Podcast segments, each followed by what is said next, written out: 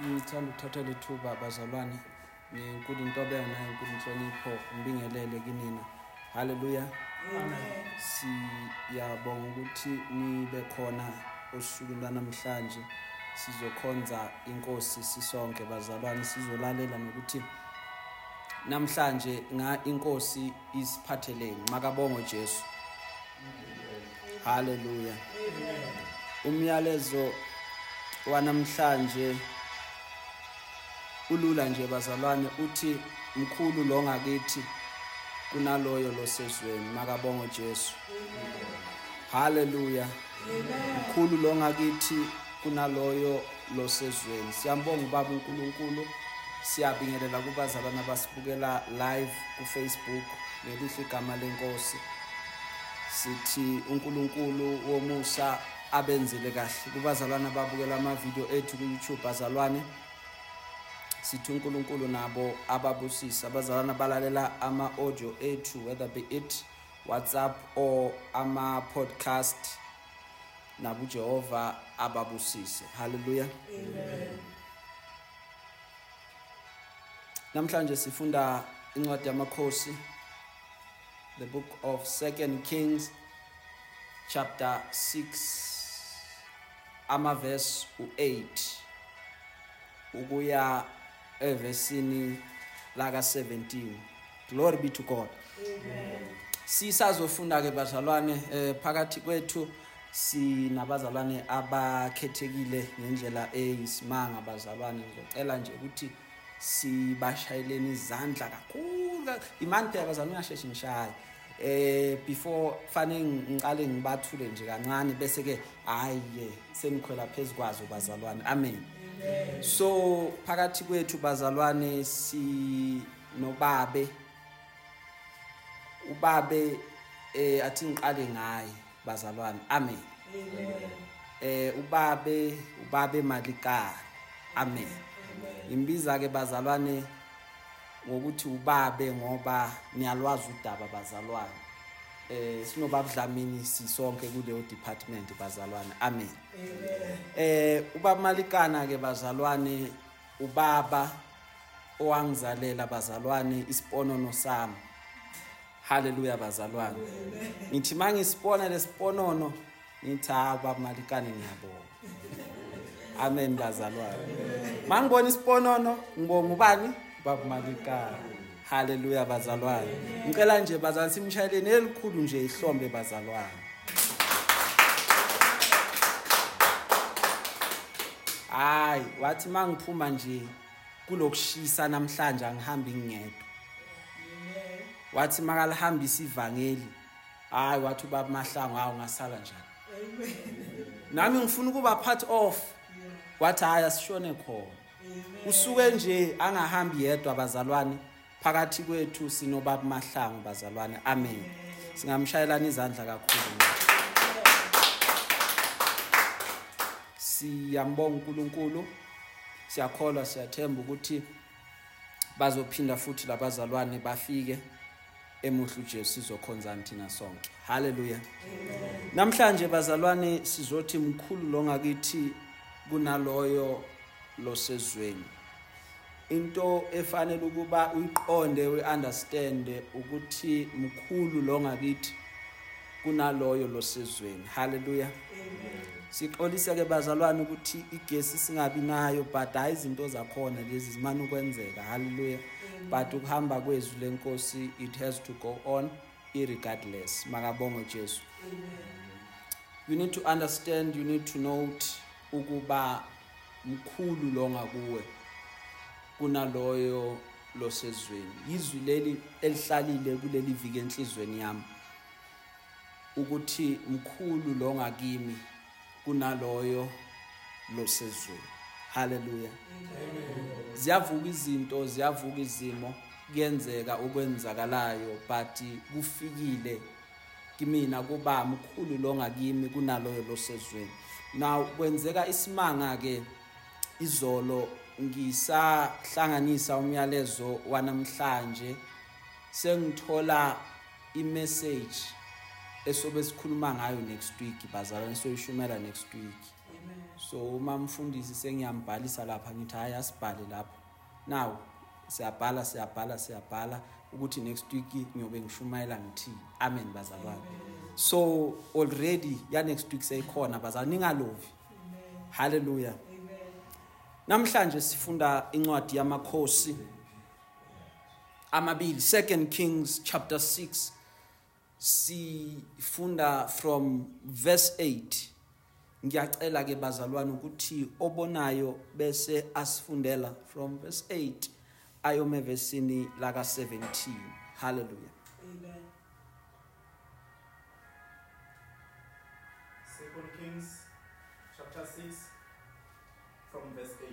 Yes Now the king of Aram was at war with Israel. After conferring with the office with his officers, he said, I will set up my camp in such and such a place. The men of God sent sent word to the king. The men of God sent word to the king of Israel. Beware of passing that place, because the Arameans are going down there. So the king of Israel checked on the place indicated by one by the men of God. Time and again Elisha warned the king, so that he was on his guard in such places. This enraged the king of Aram. He summoned his officers and demanded of them and demanded of them, Tell me, which of us is one is on the side of the king of Israel? None of us, my lord the king, said one of his officers.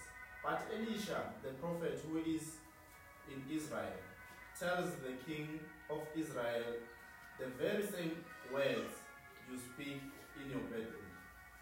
Go, find out where he is, the king ordered, so that I can send men and capture him. The report came back. He is in Dotan.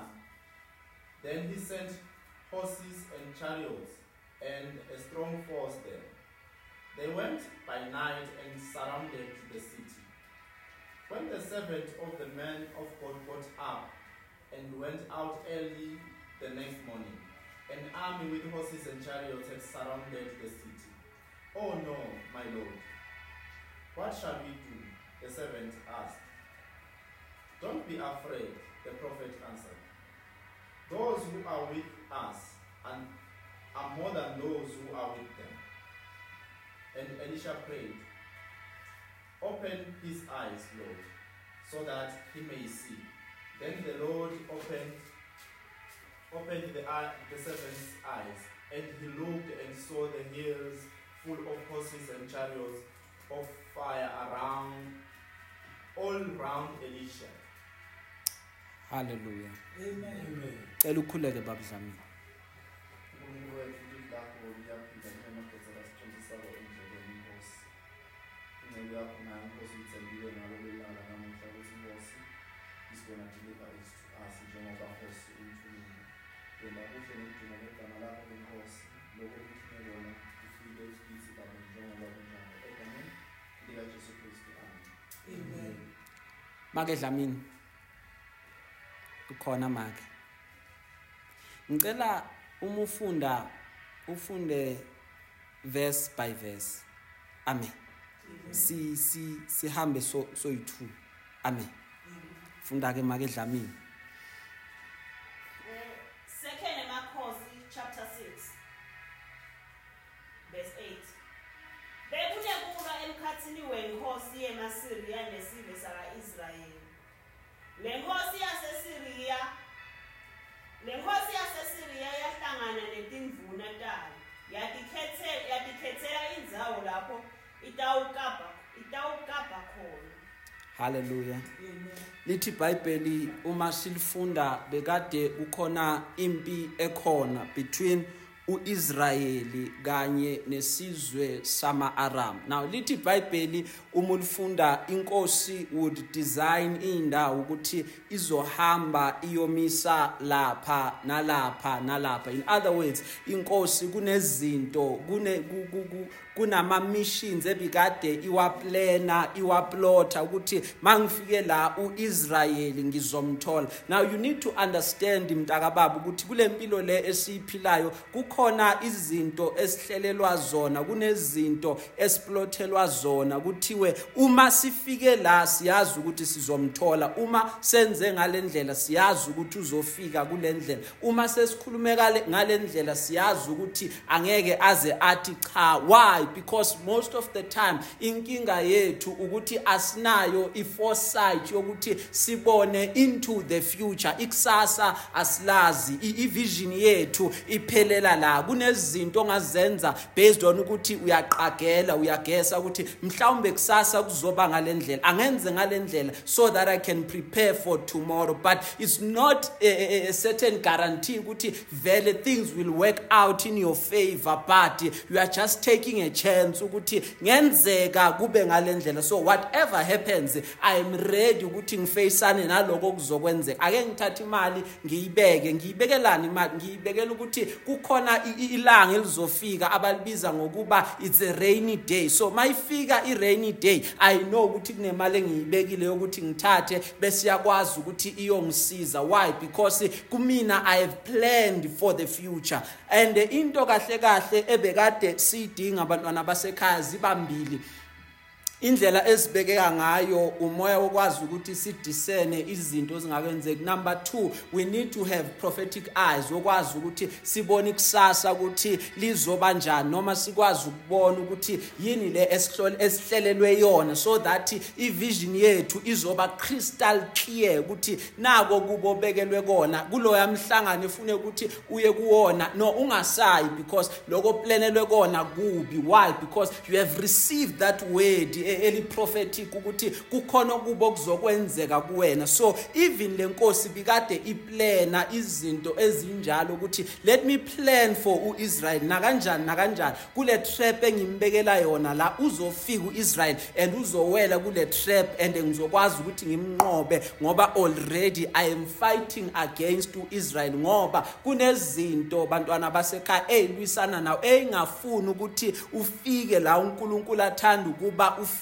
khona. Yingakho zonke lezi zinto kancane kancane zikubekela amatrepho kancane kancane ezama ukukumisa kancane kancane ezama ukukudirela kule jeni ofuna ukuyihamba ukuthi ugcine ungafikanga la fanele ukuba ufike khona. In other words uma bengakhuluma nje ngelimi lebhayibheli bengizothi wena njengo-israyeli nawe unama- una- unabama-aram bakho abazile ukuthi bazokulwisa ukuthi le nto unkulunkulu afuna ukuthi yenzeke empilweni yakho igcine ingenzakalanga. Bazama ukumisa ukuthi iplani lankulunkulu empilweni yakho lingafezeki. Halleluya make dlamini verse 9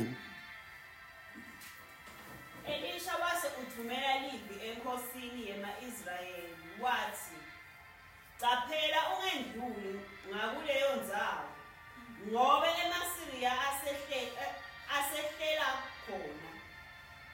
Verse 10 ngawo inkosi yema-israyeli yayi- yayibohle iyawuhlola leyo ndzawo njalo nje elisha abehle aye- ayelu- ayelule- ayeluleka inkosi ukuthi ihlale icaphele impi kuleto tindzawo halleluya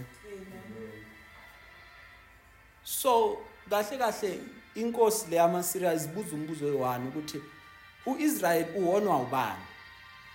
Because kuyacaca ukuthi kukhona impimpi la phakathi kwethu. Thina siyaplana okuthile ukuthi siyohlasela u-israyeli kanjani.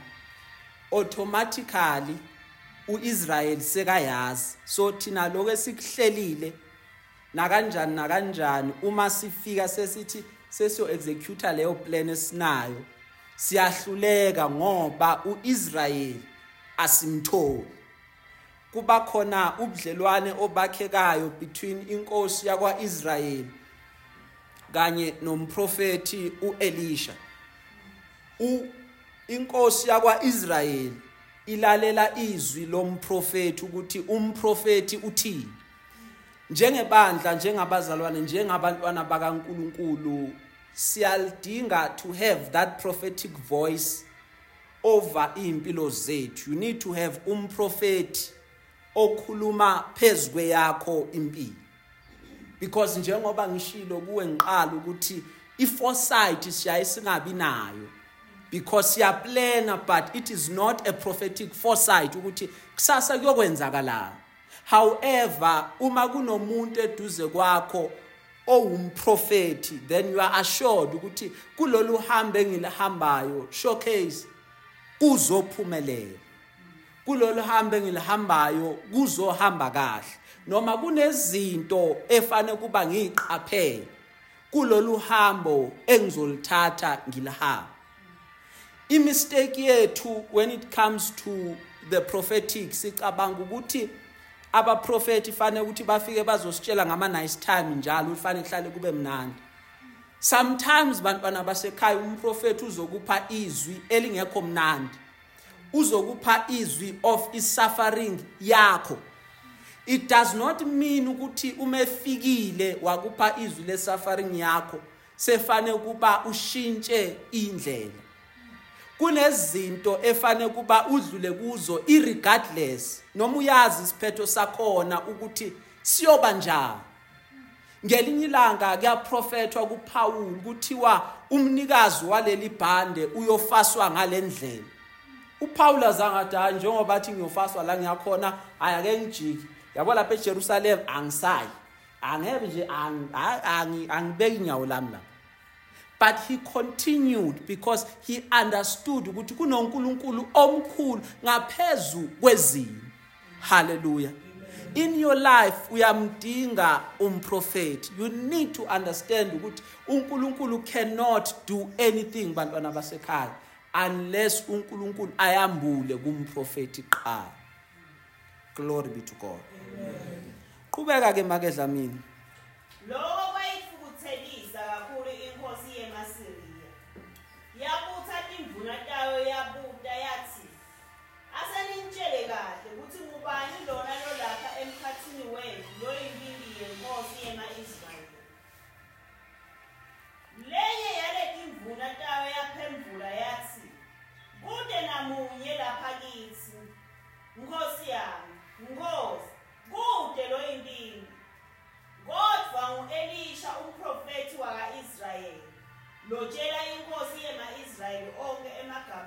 emagama lowakhuluma lowakhuluma usendlini yakho yekulala.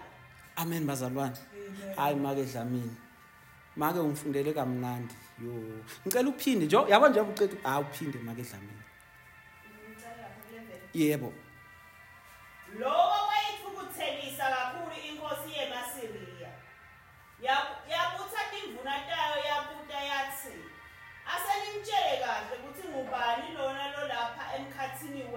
wethu loyimbimbi yenkosi yema-Israyeli." Lenye yaleti imvuna tayo yaphendula yathi, "Kude namunye lapha kithi, Nkosi yami, Nkosi, kude loyimbimbi." Kodwa ngu-Elisha umprofethi waka-Israyeli lotshela inkosi yema-Israyeli onke emagama lowakhuluma usendlini yakho yekulala. Hallelujah. Glory be to god. Amen. so inkosi iyathukuthela bazalwane because onke ama-plans ayo aloku ayahluleka konke kuhlelayo ukuthi kuphumelele kuyahluleka. Then inkosi yacabanga ukuthi mani ukubona uma ubukela ku-tv kuthiwe nawo amaphoyisa ayaphuma mhlambe aya ekhayeni elithile. Kuyaziwa ukuthi kulelo khaya ikhaya leyigebengu mhlambe bathengisa ama-drugs or kutshontshwa iy'moto. Iy'moto nibomakhelwa niyazibona. Yihlala zimile la iy'moto zokutshontshwa or niyazi nje ukuthi la kunama-drugs. Aphuma amaphoyisa aye kulelo khaya. Mawafika amaphoyisa athole kuklini akunayimoto zokutshontshwa akunama-drugs akunanex abantu bakhona bayihlelele iphindeke lento repeatedly repeatedly repeatedly.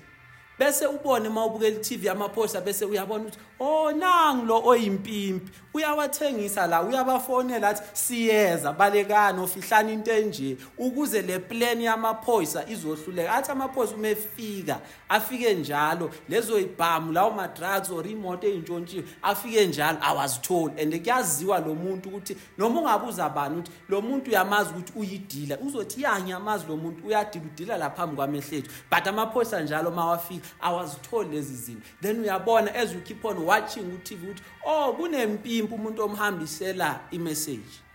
Now each and every time when you're about to go and attack a person uma nine kune-strife esikhona between wena naloyo muntu njalo uma uthi uzohlasela ngale ndlela ubone ukuthi lo muntu njalo une-upper hand angeke uhlale ungasoli ukuthi kusho ukuthi khona la phakathi kwethu. Osuka ayomtshela ngama-plans esinawo athi baleka shintsha indlela yenza ngale ndlela ukuze lama-plans engiza nawo njalo bese ayahluleka.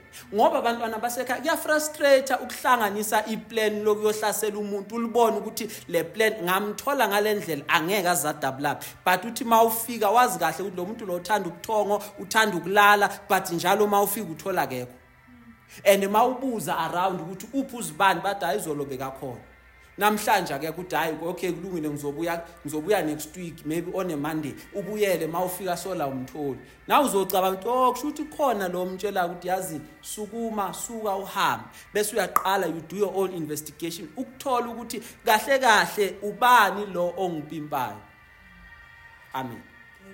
Now uthi in lo isosha leli asebenzisana nalinkosi liyamtshela lithi inkosi akekho phakathi kwethu oyimpimpi akekho phakathi kwethu okhuluma ngama-plans esinawo ngoba kuyafrustrate ukuhlanganisa iplan maqeda lingaphumeleli. Fanele uphinde futhi uqale elinye phansi bazalwane it takes a lot ukuthi wenze lokho. Na uthi akekho osuka amtshele atshela inkosi yakwa-israyeli ukuthi thina sihlele ukwenza naku sihlele ukwenza naku phakathi kwethu. But kukhona engimaziyo kunomprofethi kwa-israyeli igama lakhe u-elisha. U-elisha wuye lo nkosi okhuluma iy'ndaba zakho. U-elisha ngale ndlela akugudi ngakhona wazi even iy'ndaba oyikhuluma ekamereni lakho. Njani? Zifika njani? Because le yasekamereni ke bantwana basekhaya indaba esaziyo ukuthi le isikhulume ku secret le ikhulunywe bathi abakwazi ukukhuluma isilungu it is spoken behind closed doors. Le ayikwazi ukuthi ifahle ayikwazi ukuthi idabulape ngoba le asiyikhulumi even e dining room nabantu bonke. Le sazi kahle ukuthi le ndaba uma ingaphuma ivele ngaphandle. Akekho omunye siyomsola siyosola nje kule two besihleli nayo. Akekho omunye nje but kulaba abayi-few yibona abathathe le ndaba bayoyiputshuza le ngaphandle. Na uma isinjalo-ke bantwana basekhaya kubuya le nto ethi uboqaphela ezinye zezinto oyikhulumayo ngoba even indonga ziney'ndlela. Haleluya that is why ba- uma, uma, uma bekuwona bathi be careful because these walls have ears. Kunezinto efane ukuthi ungayikhulumi. Why? Because uma uqala uyikhuluma awazi ukuthi kuyogcina kuphi. Lize lithi ibhayibheli uboqaphela even noma uyihlebe inkosi yakho ngoba uzoyihleba ekamereni. Maqeda bese inkosi yakho iyezwa ukuthi ubukade ukhuluma kabi ngayo. Bese kuba khona i- u- i-punishment efane kuba iwele kuwena. Why? Because umane wakhuluma nje without ukuthi ubheke izinto ukuthi lokhu kufanele yini ukuthi ngikhulume noma lokhu kufanele ukuba ngingakhulumi ngeke ngithule nje ngibone ukuthi kwenzakalayo asiqhubeke ke makedlamini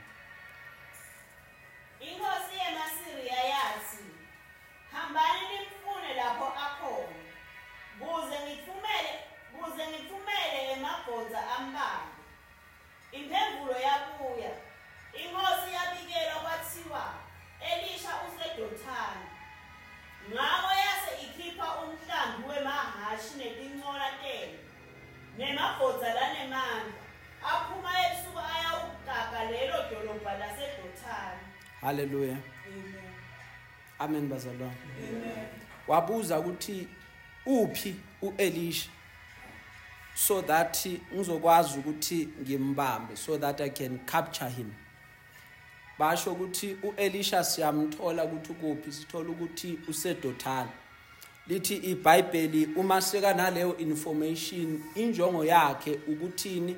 Ukuthi astophe uElisha from ukuthi ahambise umyalezo.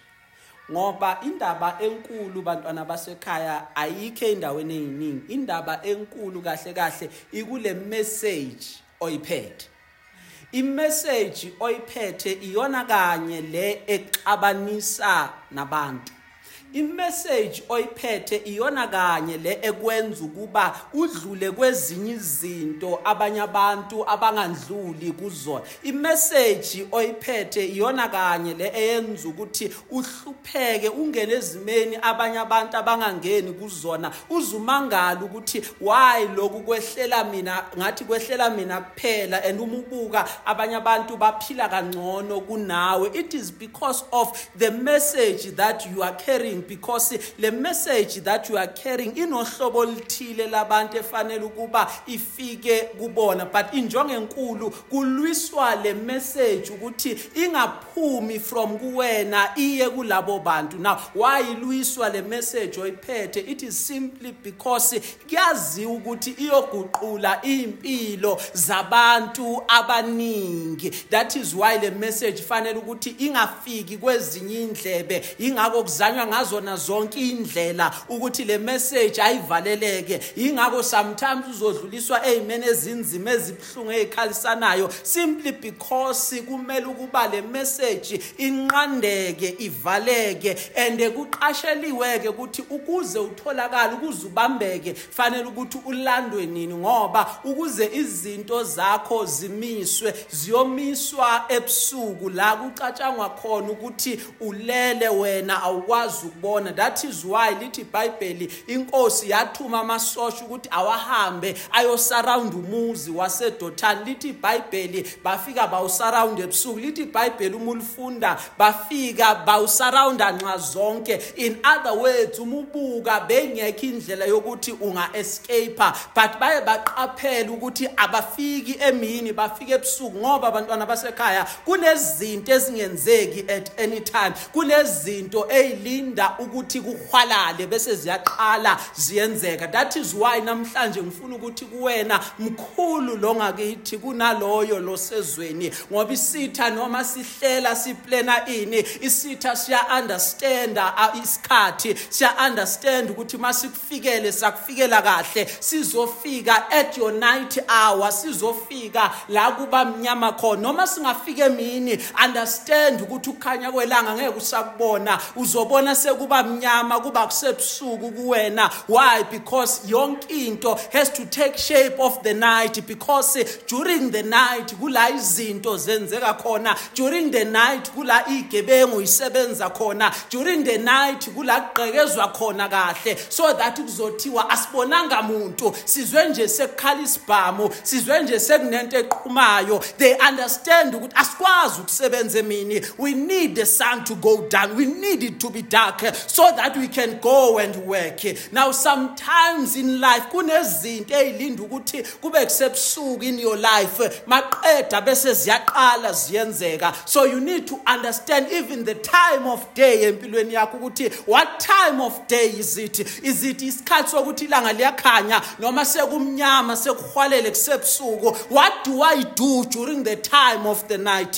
Kufanele ukuthi kungabi kakhulu isikhathi sokulala uma kufika ubusuku kuwena. Fanele ukuthi ngaleso sikhathi kube isikhathi sokuthi wena ukhuleke. Uma ulifunda iBhayibheli uJesu lo esifuna ukufana naye lithi iBhayibheli ubevamsile ukuthi ayokhuleka ebusuku. Understand ukuthi ebusuku ixuka zikho abantu balele akekho omunye umuntu. But in the middle of the night uJesu bebonakala ethandaza. Naye enye into eyenzeke ebusuku ukugula okufika kakhulu bantwana basekhaya. Kuyakuyeke emini kuthule makusagcwele abantu kube mnandi yonke into uhlale nabantu ba-entertain baqede bahamba uhamba uthi nami sengiyolala. Uthandaza uqede ungena ey'ngubeni ulale. Na bese kuthi phakathi kobusuku uzwe kube nento ekubambayo uthi uthi uvula umlomo usakhona ukuvula umlomo. Uthi hey ngagula enye into. And if ube nethuba lokuthi ubuke isikhathi uzoba lolu hlobo alifike emini but lifika during the odd hours of the night lifike lizokubamba lithi ngqi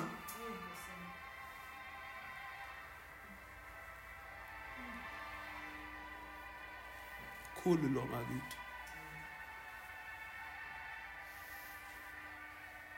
kunaloyo losezweni khulu lo ngakithi kunaloyo losezweni make dlamini basarawunda umuzi. Uma besarawunda umuzi ngeenqola zamahashe bathi there is no escape. Uma besarawunda umuzi make dlamini kwenzakalani?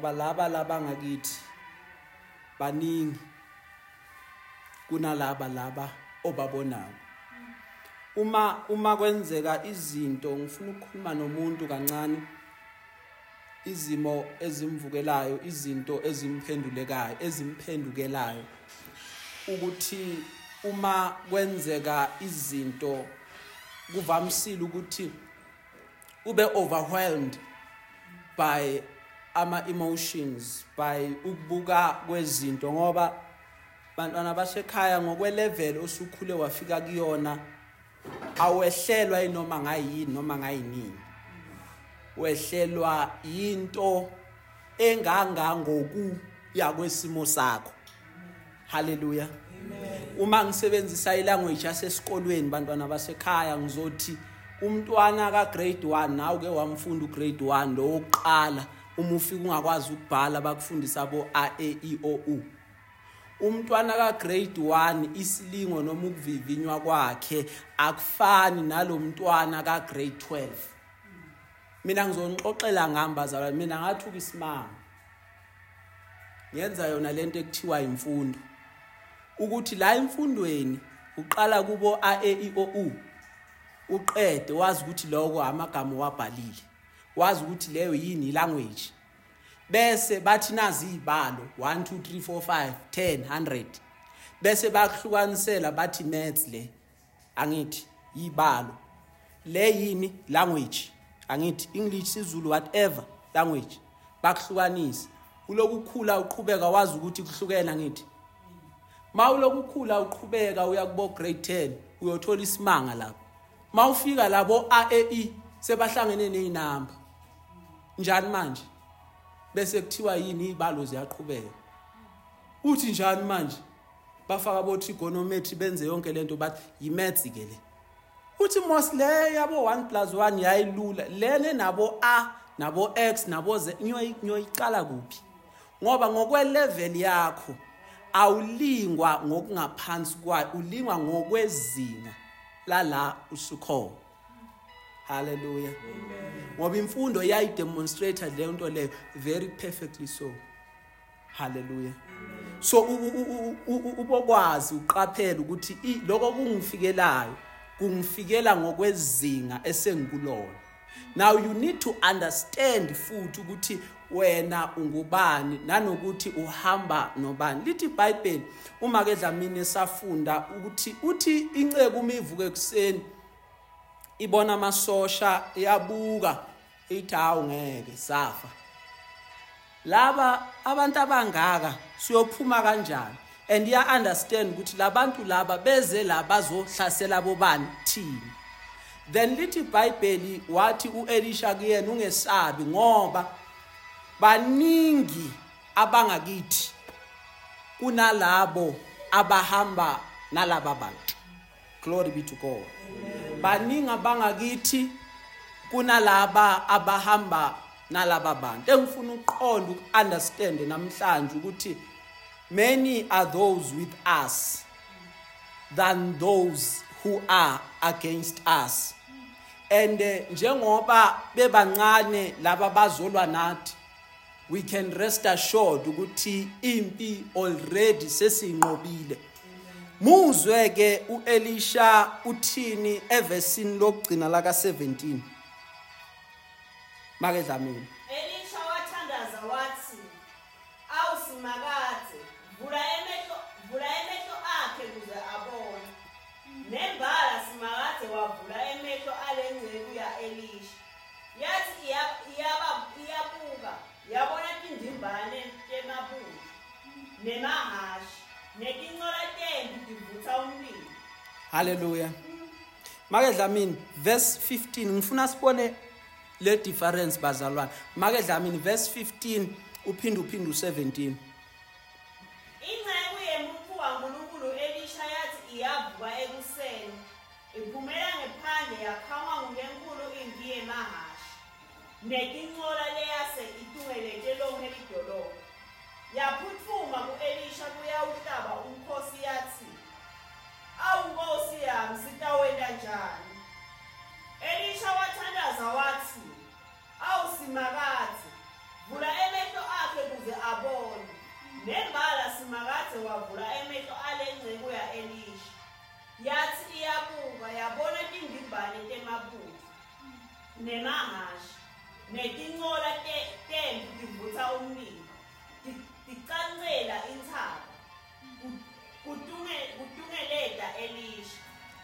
haleluya haleluya ngifuna ngifuna ukugcina kahle kahle. Lithi iBhayibheli uma silifunde evesini laka 15 kwafika amasosha kwafika amabutho ezempi azosurrounda umuzi.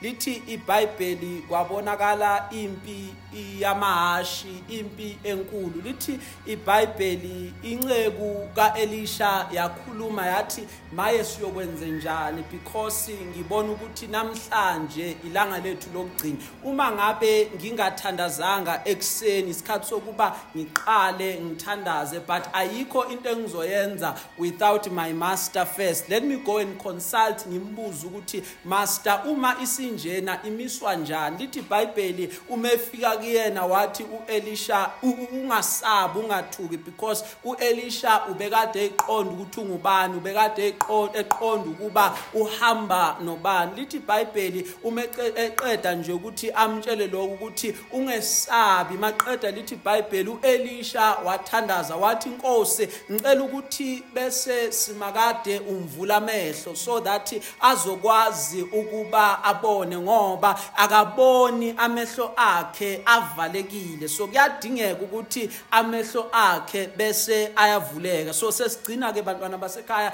ngizosho lokho namhlanje ukuthi mangabe awuboni ukuthi labo hamba nabo baningi noma bakhulu kunalaba abamelene nawe mangabe awuboni ukuthi lo nkulunkulu omkhonzayo noma ethembayo unamandla amakhulu ukudlula leso simo leso obhekene naso. Ngifuna ukuthi uthi umthandazo wakho nkosi ngicela ukuba uvule mina amehlo njengoba wakwazi ukuthi uvule amehlo wenceku kaElisha ukuthi besiyabona ngoba lithi iBhayibheli evesini laka 17 wathi nje ukuvula amehlo uma seqale bona wabona ukuthi nazi intaba zisurrounde umuzi athobhala iBhayibheli njengeintaba zihaqa iJerusalem kanjalo simakade uyabahaqa okungaba lithi iBhayibheli umebuka intaba wabona amasosha wathi umebheka kahle wathi le namba esentabeni inkulu kunale namba ekhona la iduze but wathi umebukisisa kahle wabona enye into ehlukile wabona ukuthi laba basentabeni akuwona amasosha nje kuphela but wathi umebuka wabona ukuthi laba amahashi neinqola ezo ezinomlilo they are surrounded by fire. Ngoba uNkulunkulu uma ema nawe njengomntwana wakhe wenza make sure ukuthi uyakusurrounda ngomlilo. Ngikhumbula ngelinye ilanga kuyohlaselwa uJobe lithi iBhayibheli uSathane eyocela ipermission kuNkulunkulu ethi inkosi ngifuna ukuyothinta uJobe. But ihindrance yakhe yokuqala kwaba ukuthi inkosi ngiyakumthinta kanjani ngoba wena simakade um- umbiyele umsurrounde ngelangabi lomlilo kunezinto engeke zize zikwehle lezi zinto engezenzeka empilweni yakho simply because uNkulunkulu has surrounded you by fire. So ungathuki imntaka baba ungatatazeli noma ngabe uzweni concerning your life noma ngabe uzwe iplan noma itulo lokuqeda nga ukuthi uyaphela wena. Angeke uzuphele wena ngoba wena uyinzalo kaNkulunkulu uzelwe uJehova. Lithi iBhayibheli sizelwe ngembewu engabuni. Bonke laba bacabanga ukuthi baqeda ngathi bashaye phansi kwashunqa uthuli ngoba ngeke baze baqede ngathi thina lo osidalile uyena ozosilonda lo sidalile uyena ozosimela uzoma nathi. Baze bavume ukuthi uNkulunkulu unamandla baze bavume ukuthi lo muntu ahamba naye mkhulu azathi uJob uma ekhuluma ngiyazi ukuthi umhlengi wami uyaphila. Bese athi egcineni uyakuma othuli i know ukuthi uyaphila umhlengi wa in other words uzongihlenga ngindlula e- e- e- emahlathini ngindlula esimene esinzima but i know i have a redeemer ophilayo okwazi ukuthi angihlenge. Izimo iphambana nami abantu bamelene nami balwana but my redeemer lives and yena uNkulunkulu he will deliver me. Lithi iBhayibheli abafana bathathu bamaHebheru bathi inkosi Nebuchadnezzar angeke sikhothame kulesi sithixo for we know ukuthi we have a God osimelayo. Bathi uma bekhuluma our God is able to deliver us. Babuye bathi even if angasikhululanga but we are not going to bow because we know the God that which we serve. I want to submit kuwena namhlanje ukuba uNkulunkulu khona uNkulunkulu namandla. uNkulunkulu uyaphila uyasibona isimo sakho. uNkulunkulu uya understand la udlula khona. uNkulunkulu uyababona. Bonke abantu abakuvukela uNkulunkulu uyabona. Imhlangano ehlangene ngawe engasimihle. Simakade uzokukhulula simakade uzokophula simakade uzokusindisa. Okwakho ukuthi ubuke yena ngoba mkhulu bantwana basekhaya. Lo ngakithi kunaloyo losezweni ukhona losezweni uzozama amatricks ukhona osezweni uzozama indlela. Uyozakhathale wena ima. Kulento okholelwa kuyona uzungasuki uzungamuva ukuthi bakhulume bathini uzunganyakaziswa ukuthi bazama ukwenzani. Abakuzame lokho abakuzamayo but uNkulunkulu angeke asavume ngawe uNkulunkulu akafuni ngawe. Lithe iBhayibheli thina siyinhlamvu yeso lakhe. Othinta thina uthinta yena. Ofuna mina ngayo ngicela emazulwini ngoba angeke azangenze lutho angeke azangithinte angeke asaqede ngami. Unamanga.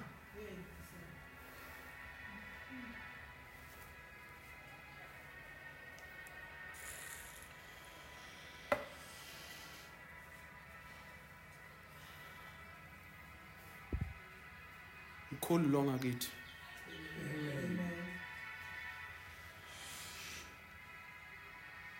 Khulu lo ngakithi. Kunaloyo losezweni thandazo wakho mawube wodwa one prayer. Lord open my eyes. Ngoba kuyacaca ukuthi uma ngiloku ngitatazela uma ngisaba uma ngiloku ngithuka kusobala ukuthi kahle kahle amehla amavaliwe ngicabanga ukuthi le mpe efikile izongihlasela iyoqeda ngami. Angiyiboni leseyintabeni ehaqweni angabi lomlilo ukuthi laba kukhona abaningi kunalaba abazoqeda ngami. Uma ngisabuke inkulumo zabantu ukuthi bathini ngami angiboni lokhu uNkulunkulu angibekele kona. Uma uma ngisabuke ukuthi ngiwana upheni na uthini ngami? Uyangitshela ukuthi mina angizala ngitholi bantwana. Uma ngisabuke lokho angeke ngize ngimbone uSamuel umprofeti uSamuel umprofeti engiyomzala ngiyombona the day ngiphuma kuphenini. Ngoba kakade vele umthandazo awuphendulwanga the time esathandazela uHana ukuthi inkosi ngiphingani so that I can silence my enemies. Kunemthandazo uNkulunkulu angeke azayiphendule bantwana basekhaya because leyo mikhuleko imikhuleko just to show off. Uyakubona uNkulunkulu ukuthi lento oyithandazela akubona na ukuthi yo- yo- yo- ama motives akho are are pure they are purified. Eh eh u- u- uthandazela so that bazongibona. The day bangibusisa ngiyobonakala kahle. uNkulunkulu angeke azayingene leyo ndaba yakho. uNkulunkulu azange azawuphendula umthandazo kaPenina kahana the time asathandaza ukuthi inkosi uPenina uyangihlupha i need only one child. Uhana bangafuna abantwana abaningi befuna only one child because i understand ukuthi lo mntwana oyedwa uyomthulisa uhana. Uyomthulisa uPenina rani. Bangafuna abantwana abaningi. One child. God wathula wangawuphendula umthandazo wakhe. Beyangasadli nokudla. Ukudla bekungangeni ukuthandaza bese kungasathandazeki amagama bewangasaphumi. That is why nompriest memthola ethempelini umbuza into eyodwa uthi uyodakwa kuze kube nini ngoba amagama awasaphumi sekayakubula athi oh ngibona umnyakaza kwendebe zomlomo akathandazi lo muntu udakiwe akazi ukuthi athini. Susi wayini lakho?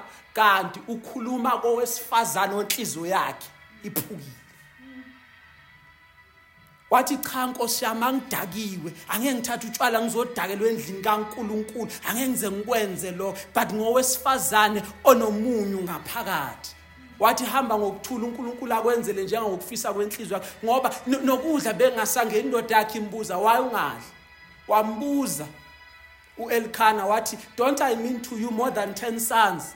Uhana engamuzwa because of ini afuna ukuyothulisa umgcakwane afuna ukuyothulisa uphenini. Wathi uma seqala ekhula wabona hayi mana ngidlule kubophenini angidlule ukuthi batheni ngami ngoba kuyafana bazokhuluma vele abantu bahlale bekhuluma abantwana basekhaya. And angibhalwanga la ukuthi loya ungithukile loya ukhulume lokhu ngami. Mangiphu akekho ozobona ukuthi lo ukhulume wathini ake ngidlule kuye ake ngibheke uNkulunkulu. Wathi uma sethi inkosi wena ufunani? Oh okay ngiyabona manje. kwaIsrael kushoda umprofeti wathi inkosi asibe nedili. Uyabo ukuthi sekasukile abantu asibe nedili inkosi. Wena you will give me a son mina will give you a prophet. Ngoba uNkulunkulu bantwana basekhaya ayikho into azoyenza ngaphandle kokuba adinge i-point of contact and i-point of contact always comes ngomuntu. Even noma ezothumela uJesu azange amana amthumela aqathake njengengelosi eqhamuke emafina wele emhlabeni azothethelela abantu. Wahamba uNkulunkulu eyofuna isibeletho sentombi wasithola kuMaria wathi nayi nayi indawo hamba ke Jesu maqeda isibeletho. Sagitshelwa izinto zasemazulwini ngoba ngoba uNkulunkulu ufuna ipartnership nomuntu. The day udlule ebantwini you will then partner with God and the day you partner with God it's the day la yokwenza izinto ezimangalisayo ngoba iBhayibheli liyasho encwadini kaDaniel lithi laba abamaziyo uNkulunkulu wabo bayokwenza izinto ezinamandla mawusesebhizi nabantu ukuthi bathini ubani wenza you will not see the hand of God i assure you. Ngeke umbone uNkulunkulu.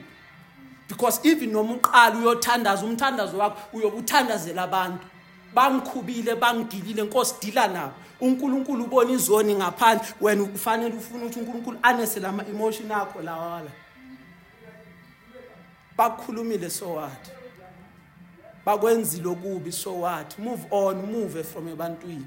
So that you see God as uNkulunkulu. Then uthi inkosi if you give me a son I will give you a prophet. uNkulunkulu bese uthini? Uthi uNkulunkulu nawana then we can talk because ngiyamdinga umprofeti ingakho ke indaba yakhe sekhulumeka. uNkulunkulu bese ambusisa ngoSamuel bese uyamthatha uSamuel ammikise ethempelini why? Because usesukile ukuthi abantu bathini? Wabheka uNkulunkulu ukuthi uthini. The day ubheka uNkulunkulu ukuthi uthini sengiqedile bazalwane. Is the day. Amehla akhe azovuleka khona. The day ubheka abantu ukuthi bathini rest assured amehla akhe awakavuleki. Because the more the focus on the people the lesser the focus is on the lord. Amen. Ngeke ngeke umbone uNkulunkulu. Ngeke wabona amandla akhe. Because amehla akho abheke namasosha azokuhlasela. You will miss the the point ukuthi nje manje uphamisa amehla akho waphamisele entabeni uyobona nalo usizo lwami livela amahashi lawo ahamba nomlilo. Because your focus will always be la. Angeke uphakamise uthi uthi oh na umlilo.